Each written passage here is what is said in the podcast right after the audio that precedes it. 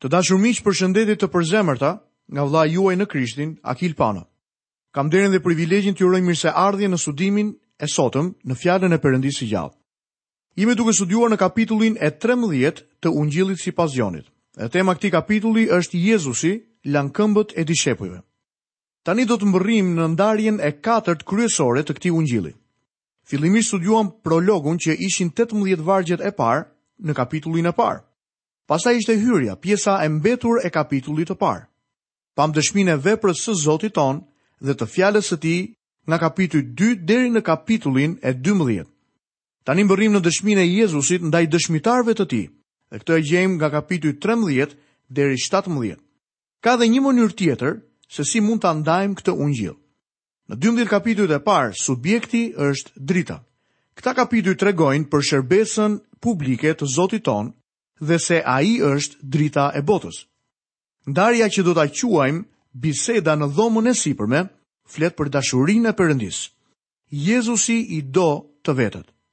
Pjesa e fundit e Ungjillit të Gjonit, nga kapitujt 18 deri 21, flet për jetën. Jezusi erdhi të na sillte jetë, dhe kjo jetë gjendet në vetë personin e tij. Jeta jonë vjen nga vdekja e Jezusit. Zoti Jezus dha katër ligjërata kryesore.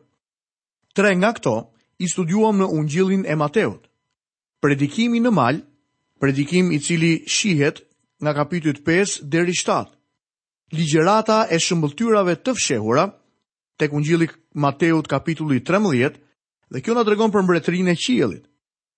Dhe më poshtë kemi parë tek Ungjilli i Mateut kapitulli 24, diskutimi në malin e ullinjve. Tani do të shohim ligjëratën e dhomës së sipërme që është regjistruar në kapitujt 13 dhe 17 të Gjonit. Kjo është një nga ligjëratat më të mëdha që dha Zoti ynë. Ajo është më e gjata dhe më kuptimplotja për ne sot, sepse Jezusi i mblodhi njerëzit e tij në dhomën e sipërme, dhe ua zbuloi këto të vërteta të reja. Kjo gjë është ende e freskët edhe për ne sot. Nuk ka asgjë që barazohet me të. Shërbesa publike e Jezusit përfundoi dhe ai u refuzua. Tani Jezusi flet për dashurinë e tij ndaj nesh, si duhet ta jetojmë jetën e krishterë, për atë çfarë ai ka siguruar për ne dhe për marrëdhënien midis tij dhe atyre që i përkasin atij. Ndërkohë që Jezusi është duke shkuar rrugës për në kryq, nuk ka asnjë mesazh për farisenjtë, krerët fetarë apo qeverinë romake. Ky mesazh që Jezusi është duke u drejtuar njerëzve vlen për ndjekësit e tij. Le të shohim më poshtë Jezusin i cili lan këmbët e dishepujve. Këtu neve do të mbërrim në një ngjarje krejt të pazakontë. Do doja që ta dëgjonit këtë pjesë të programit me shumë vëmendje. E dëgjojmë kaq shpesh këtë histori, saqë e humbasim krejtësisht kuptimin e saj. Jezu Krishti la lavdinë e qiellit, erdhi në këtë tokë, zuri vendin e një skllavi dhe lau këmbët e dishepujve të tij. Në kapitullin e mëparshëm, pamë vajosjen e këmbëve të Jezusit. Ndërsa në këtë kapitull, shohim larjen e këmbëve të dishepujve, çfarë ndryshimi. Shpëtimtari nuk u ndot, ndërsa kaloi në këtë botë mëkatare. Jezusi është i shenjtë, i pafajshëm, i panjollë. Këmbët tregojnë ecjen e një personi dhe vajosja e këmbëve të Jezusit me vaj na tregon aromën e ëmbël të ecjes së Zotit tonë gjatë shërbesës së tij në tokë. Këmbët e dishepujve kishin nevojë të laheshin. Zoti Jezus lau këmbët e tyre me ujë, jo me gjak. Kjo është shumë e rëndësishme. Dëgjoj shumë njerëz që flasin për ardhjen sërish tek burimet e mbushura me gjak dhe pastrimi në to. Kjo e çnderon Zotin tonë. Gjaku i Jezu Krishtit, Birit të Perëndisë, na pastron nga të gjitha mëkatet, ato të kaluarat, të tashmet dhe të ardhmet. Ky gjak u derdh vetëm një herë dhe pati vetëm një sakrificë për derdhjen e tij. Shkruesi i Hebrejve në kapitullin e dhjetë dhe vargun e katërmbëdhjetë na tregon, Sepse me një ofertë të vetme, ai bëri të përsosur përgjithnjë ata që shenjtërohen. Kur unë dhe ti erdhëm te Krishti si mëkatarë, gjaku i tij na pastroi një herë e mirë të gjithëve dhe na bëri të drejtë përpara Perëndisë. Por miku im, ne kemi nevojë të pastrohemi gjatë shtegtimit tonë mbi dhe. Gjatë ecjes tonë në botë, ndotemi dhe kemi nevojë të lahemi. Do të shohim se Zoti ynë lau këmbët e dishepujve të tij për të vetmin qëllim të paracaktuar. Këtu jepet një arsye e trefishtë pse Zoti ua lau këmbët dishepujve. Tani do të lexojmë menjëherë në kapitullin e 13 të Ungjillit sipas Gjonit nga vargu i parë dhe i dytë. Por përpara festës së Pashkës, Jezusi duke e ditur se kishte ardhur ora e tij të kalojë nga kjo botë tek Ati, duke i dashur të vetët që ishin në botë, i deshi deri në fund. Dhe kur mbaroi darka, Mbasi djalli kishte shtënë në zemër Jud Iskariotit, birit të Simonit, ta tradhtonte. Zoti Jezus lau këmbët e tyre sepse e dinte se kishte ardhur ora e tij për të kaluar nga kjo botë. Shërbesa e tij do të vazhdonte pasi ai të kthehej në qiell. Ai e identifikoi vetveten me njerëzit e tij dhe sot. Ende Jezusi lan këmbët e dishepujve të tij. Ai thotë se do të largohet nga kjo botë duke nënkuptuar sistemin mbarëbotëror. Kjo botë ishte e njerëzve një botë plot me mëkat. Ky është një qytetërim kundra Perëndisë, kundra Krishtit dhe ndodhet nën gjykim. Për shkak se po largohet nga kjo botë, Jezusi ua lan këmbët dishepujve të tij.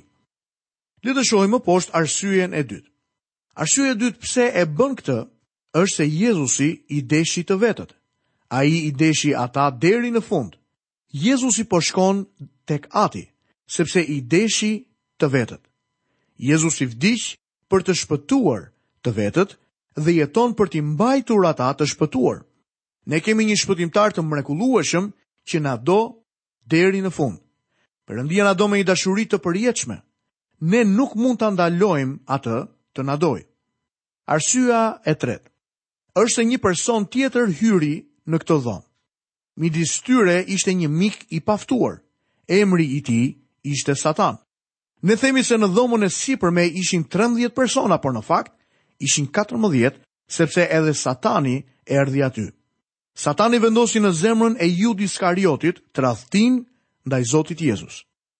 Kudo që futet djalli në punën apo veprën e krishterë, të tjerët infektohen dhe Zoti duhet t'i lajë ata. Ai duhet të na lajë ndërkohë që kemi miqësi përbashkësi me të dhe fjalën e tij. Vini re se kjo ndodhi në festën e pashkës. Fraza dhe kur mbaroi darka është fjalë për fjalë, ndërkohë që darka vazhdonte. Kjo nuk është darka e Zotit. Në fakt, Gjoni nuk e regjistron darkën e Zotit. Pse vallë Gjoni lë jashtë diçka të rëndësishme? Mendoj se në kohën që Gjoni e shkroi këtë, disa të krishterë kishin kthyer darkën e Zotit në një ritual. Është rrezik i madh ta vendosësh rëndësinë tek rituali në vend që ta vendosësh atë tek personi i Jezu Krishtit. Është më e rëndësishme të njohësh fjalën e Perëndisë sesa të marrësh pjesë në bashkësi. Nuk ka asnjë bekim në bashkësi të ndarë nga njohuria e fjalës së Perëndisë. Një profesori im thoshte që Krishti ndodhej në zemër dhe buka në stomak. Buka nuk do të ishte për shumë kohë në stomak, por thelbësorja është Krishti në zemrën tuaj. Besoj se kjo është një nga arsyet pse Gjoni e lë darkën e Zotit jashtë rrëfimit të tij. Lexojmë më poshtë vargun e tretë. Jezusi duke ditur se Ati i kishte dhënë gjithçka në duar dhe se ai kishte dal nga Perëndia dhe tek Perëndia po kthehej. Një përkthim më i mirë do të ishte. Meqenëse Jezusi e dinte se Ati i kishte dhënë gjithçka në duart e tij dhe se ai kishte ardhur nga Perëndia dhe se do të kthehej tek ai. Këtu rideklarohet sërish që Jezusi do të kthehej tek Ati. Kjo është shumë e rëndësishme. Lexojmë më poshtë vargjet 4 dhe 5. U ngrit nga darka dhe hoqi rrobat e tij. Mori një peshqir dhe u ngjesh. Mbasi hodhi ujë në një legen, filloi të lante këmbët e dishepujve dhe t'ua fshinte me peshqirin me të cilin ishin ngjeshur. Ai hoqi veshjen e tij të jashtme, pra rrobën që kishte veshur. Pastaj mori një peshqir dhe e mbërtheu rreth vetes. Kjo duket shumë e çuditshme. Mbreti zë vendin e një shërbëtori, pajiset me peshqirin e shërbimit dhe është gati për të larë këmbët e tyre. Tek Eksodi, kapitulli njëzet e një, mësuam për ligjet në lidhje me skllevërit. Një skllav hebre i shërbente zotërisë së tij për gjashtë vjet dhe vitin e shtatë ishte i lirë që të shkonte.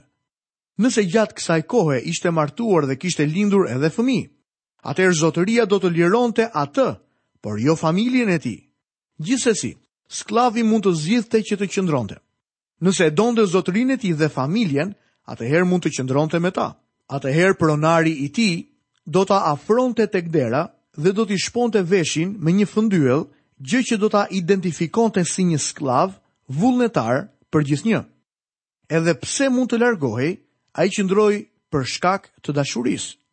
Zoti ynë Jezus erdhi në këtë tokë, mori mbi veten e tij njerëzoren tonë dhe u bë në ngjashmëri me një shërbëtor. E bëri të gjithë këtë, sepse na donte. Ai mund të ishte larguar i lirë, e megjithatë, zgjodhi për të vdekur në kryq për të siguruar shpëtimin e përjetshëm për ne. Jezusi e bëri këtë për të themeluar një marrëdhënie të mrekullueshme për ne dhe për të na mundësuar miqësinë dhe përbashkësinë me të. Ai u bë një skllav sepse na donte. Lexojmë vargjet 6 deri 7.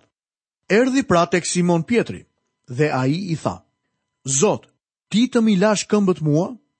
Jezusi iu përgjigj dhe i tha: Atë që po bëj unë, ti tani nuk e kupton, por do ta kuptosh mbas kësaj. Disa njerëz thonë se kjo është një gjë e shenjtë dhe ne nuk duhet ta praktikojmë larjen e këmbëve.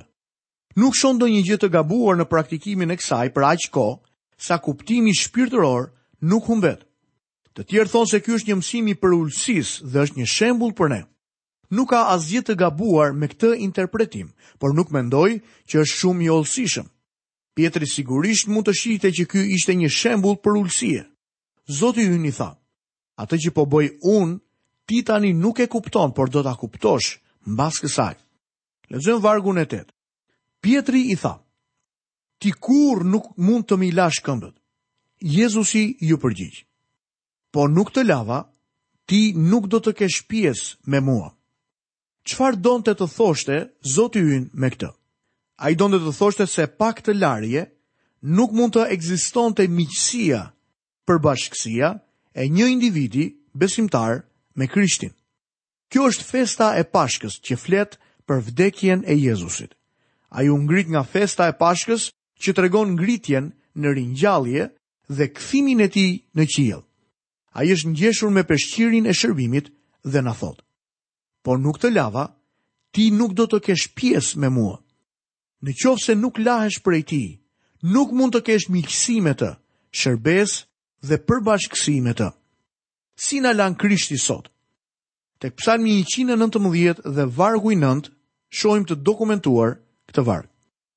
Si mundet një i ri të bëjë rrugën e tij të pastër, duke e ruajtur me fjalën tënde. Ndërsa Gjoni 15 vargu i tretë na thotë. Ju tashmë jeni të pastër për shkak të fjalës që ju kumtova. Më poshtë, Efesianët 5, 25 dhe 26. Sikurse edhe Krishti ka dashur kishën dhe e ka dhënë veten e vet për të, që ta shenjtërojë, pasi e pastroi me larjen e ujit me anë të fjalës. Të dashur miq, fjala e Perëndisë është në gjendje ta mbajë të pastër besimtarin. Po kur mëkatojmë, si pastrohemi? Në letrën e parë të Gjonit, kapitulli i parë dhe vargu i 9, shohim të shkruar: Po t'i rrëfejmë mëkatet tona, ai është besnik dhe i drejtë që të na falë mëkatet dhe të na pastrojë nga çdo paudhësi. Shumë njerëz e trajtojnë mëkatin si një çështje jo serioze. Miku im, Mund t'ju them se këmbët tregojnë ecjen. Dhe nëse unë dhe ti jemi të pabindur, atëherë nuk jemi duke ecur në rrugën e Jezusit. Ky është mëkat dhe duhet rrëfyer në mënyrë që të pastrohet dhe marrëdhënia jonë me Perëndin të restaurohet. Lexojmë vargun e nëntë. Simon Pjetri i tha, Zot, jo vetëm këmbët, por edhe duart, edhe kokën. Në fillim Pjetri i largon këmbët. Pastaj kur Zoti ynë i thotë që nuk do të ketë pjesë me të, ai nxjerr këmbët e tij të mëdha prej peshkatari, duart e tij të fuqishme me kallo dhe përul kokën duke thënë, jo vetëm këmbët, por edhe duart dhe kokën. Nëse bëhej fjalë për miqësi, Pjetri donte gjithçka që mund të merrte prej saj. Lexojmë vargun e 10. Jezusi i tha: Ai që është i larë, s'ka nevojë veçse të lajë këmbët dhe është krejt i pastër. Edhe ju jeni të pastër, por jo të gjithë. Tani Jezusi tha: Ai që është i larë nuk ka nevojë të lahet. Kjo sikur nuk ka kuptim apo jo. Arsyeja pse nuk ka kuptim është se Jezusi përdor dy fjalë të ndryshme, por me sa duket, Përkthyesit nuk e kanë bërë dallimin. Jezusi thotë, Ai që është louo. Fjala louo do të thotë të bësh banjë. Ndërsa fjala tjetër, nipto, është fjala e përkthyer laj. Jezusi, ai që është i larë i gjithë, nuk ka nevojë veçse të lajë këmbët. Në atë kohë njerëzit shkonin në dushe publike për të bërë banjë. pastaj vishnin sandalet e tyre për t'u kthyer në shtëpi. Në shtëpi gjithmonë ndodhej një legen me ujë për të larë këmbët, sepse duke ecur nëpër rrugët e qytetit, këmbët ishin bërë pis. Jo vetëm që rrugët ishin pis, por në atë kohë edhe plehrat hidheshin në rrugë. Kështu pra edhe pse, sapo kishin bërë banjë, duhet të lanin këmbët kur hynin në shtëpi. Zoti ynë po na mëson që kur shkojmë te kryqi, te Jezusi, lahemi komplet. Ky është dushi, rigjenerimi. Kur ecim përmes kësaj bote, ndotemi dhe bëhemi pis. Bëhemi të pabindur dhe mëkati hyn në jetët tona. Nuk besoj se ka ndonjë besimtar që kalon një ditë pa u ndotur pak. Ai thotë se ne nuk mund të kemi miqësi me të nëse jemi të pisët. Kështu larja e këmbëve është pastrimi për të restauruar miqësinë tonë. Në letrën e parë të Gjonit, kapitulli i parë, vargu 6 dhe 7, do të lexojmë. Po të themi se kemi bashkësi me të dhe ecim në errësirë, ne gënjejmë dhe nuk e vëmë në praktikë të vërtetën. Por po të ecim në dritë, sikurse ai është dritë, kemi bashkësi njëri me tjetrin dhe gjaku i Jezu Krishtit, birit të tij, na pastron nga çdo mëkat. Miqtë mi, Në mënyrë që këmbët tona të jenë të lara, ne duhet të rrëfejmë së pari mëkatet tona. Të rrëfesh do të thotë të biesh dakord me Zotin. Do të thotë të thuash të njëjtën gjë që thotë Zoti për mëkatin tënd. Një nga gjërat më të vështira në botë është të bësh një shenjtor të pranojë që është mëkatar. Ftohtësia, indiferenca, mungesa e dashurisë, të gjitha këto shihen nga Perëndia si mëkate. Nëse rrëfejmë, Ai është besnik dhe i drejtë, të na falë. Por kjo nuk është gjithçka. Nëse do t'i kesh këmbët e pastra, duhet t'i vendosësh në duart e Shpëtimtarit. Kjo do të thotë bindje. Ne nuk mund t'i themi, Zot, më fal, gabova, dhe pastaj të dalim jashtë dhe të fillojmë të bëjmë të njëjta gjëra përsëri. Kjo nuk do të thotë t'i lësh këmbët e tua në duart e Shpëtimtarit. Lexojmë vargun e njëmbëdhjetë. Sepse ai e dinte se kush do ta tradhtonte, prandaj tha, Nuk jeni të gjithë të pastër. Jezusi e dinte se Juda do ta tradhtonte. Ai e dinte se Juda nuk ishte i larë. Me fjalë të tjera, Juda nuk ishte rigjeneruar kurrë. Kjo ishte arsyeja pse tha se nuk ishin të gjithë të pastër. Lexojmë vargun 12 deri 17. Kështu mbasi ua lau këmbët, mori përsëri rrobat e tij, zuri vend rishtas në tryezë dhe u tha atyre, A e kuptoni këtë që ju kam bërë? Ju më quani mësues dhe Zot, dhe mirë thoni sepse jam. Në qoftë se unë, Zoti dhe mësuesi, ju kam larë këmbët, edhe ju duhet t'i lani këmbët njëri-tjetrit. Unë në fakt ju kam dhënë shembullin që ashtu siç kam bërë unë, të bëni edhe ju. Në të vërtetë, në të vërtetë po ju them, shërbëtori nuk është më i madh se padroni i tij, as i dërguari më i madh se ai që e ka dërguar. Po t'i dini këto gjëra, të lumtur jeni nëse do t'i bëni. Miku im i krishterë, nëse sot ti do që të kesh gëzim në jetën tënde, atëherë shko tek Jezusi dhe rrëfeu. Ky është një nga problemet në bashkësitë tona të krishtera. Ne mund t'i kemi kokat tona plot me doktrina, por këmbët tona qelben erë. Vëlla, nuk ka erë më të rëndë sesa era e këmbëve të palara. Ndoshta kjo është arsyeja pse disa nga shërbesat tona nuk vijnë erë kaq të mirë. Kjo është arsyeja pse ne nuk fitojmë shumë njerëz për Krishtin. Ne duhet të rrëfejmë mëkatet tona në mënyrë që të kemi miqësi me Jezusin. Jezusi tha se ashtu siç ai u kishte larë këmbët, ata duhet t'i lanin këmbët njëri-tjetrit. Çfarë do të thotë kjo? Apostulli Pal na tregon te Galatasit se si duhet ta bëjmë këtë. Galatasit 6 vargu i parë, le të lexojmë. Vëllezër, në qoftë se dikush bie në ndonjë faj, ju që jeni frymërorë, lartësojeni me frymë butësie, por ki kujdes veten tënde se mos tundohesh edhe ti. Pra kjo do të thotë se kur një vëlla në Krishtin bie në mëkat, ai duhet të rikthehet në miqësi nga dikush që është frymëror. Ta godasësh atë në kokë dhe ta kritikosh nuk do të thotë të lash këmbët e tij. Të lash këmbët e tij do të thotë ta restaurosh atë person. Në kishë ne kemi lloj-lloj talentesh, folës të shkëlqyer, muzikë të mrekullueshme, por shpesh shohim që nuk ka ringjallje. Ne kemi nevojë të lajmë këmbët, ne duhet të pastrohemi. Përpara se të lajmë këmbët e një vllai, duhet të lëmë Zotin e lavdisë të lajë këmbët tona.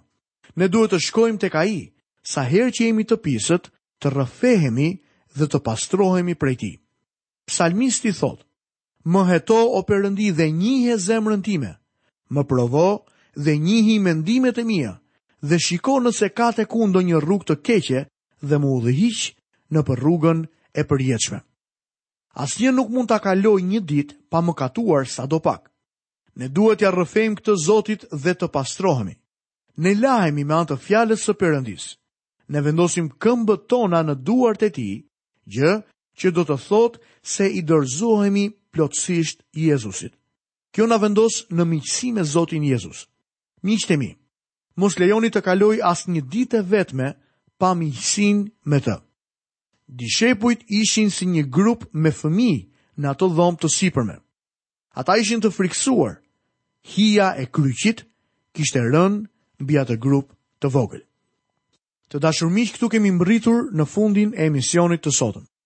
Jam mirënjohës Perëndisë që kemi qëndruar së bashku përgjatë minutave të këtij emisioni dhe lutja ime për ju sot është që Perëndia të mund të hedhë mbi ju ndriçimin e fjalës së tij. Perëndia i paqes derdhtë bekimin e tij me bollëk në jetën tuaj. Nga vëllai juaj në Krishtin Akil Pano, bashkë mirudëgjofshim në emisionin e ardhshëm.